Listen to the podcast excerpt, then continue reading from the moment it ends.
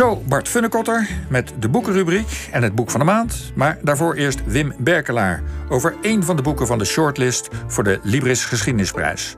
Tot aan de uitreiking van die prijs bespreken we met Bart en Wim om de beurten één van de genomineerde boeken. En op 31 oktober wordt de winnaar dan weer in OVT bekendgemaakt.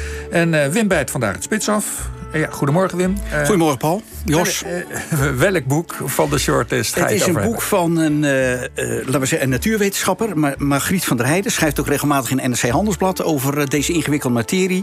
En het boek heet Denken is verrukkelijk. Het leven van Tatjana Afanasieva. Ik weet ook nooit of ik dat Russisch goed uitspreek, maar dat mag iedereen mij corrigeren.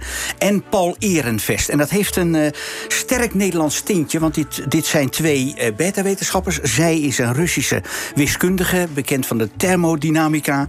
En hij is een, ja, inmiddels moet je wel zeggen, wat vergeten uh, natuurkundige. Hoogleraar, opvolger van uh, de beroemde Nobelprijswinnaar Lorenz in Leiden. En deze man die heeft in 33 uh, eh, zelfmoord gepleegd. Tragisch einde, mm -hmm. waarschijnlijk, suggereert Margriet van der Heijden. Maar ze zegt ook, het zal iets ingewikkelder liggen.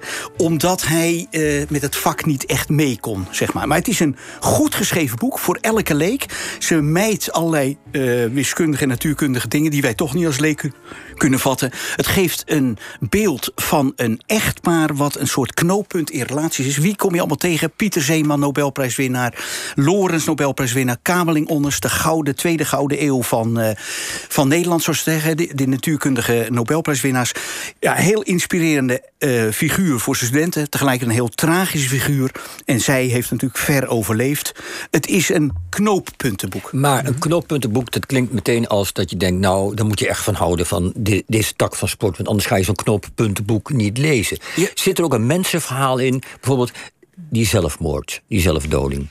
Kom je erachter waarom dat is? Want zit er ook een verhaal in wat voor mensen die niet meteen hoog in die wetenschap willen zitten interessant, het boek interessant maakt. Ja, juist. Kijk, het is een, een levensverhaal van twee uh, intellectuelen die uh, door heel Europa reisden, van Göttingen naar, naar Leiden, uh, zit in Rusland, overal nergens. Maar het geeft dus een intellectueel leven, maar wel een diep menselijk leven. Die hele gezinssituatie wordt beschreven. Ook die relaties met al die geleerden die ik net noem, Niels Bohr, Albert Einstein.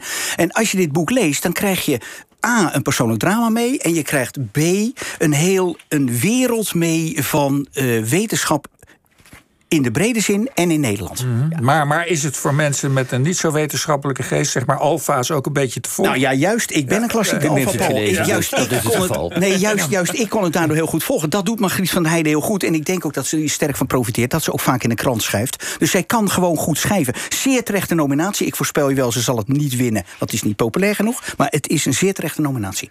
Goed. Wim, dank je wel.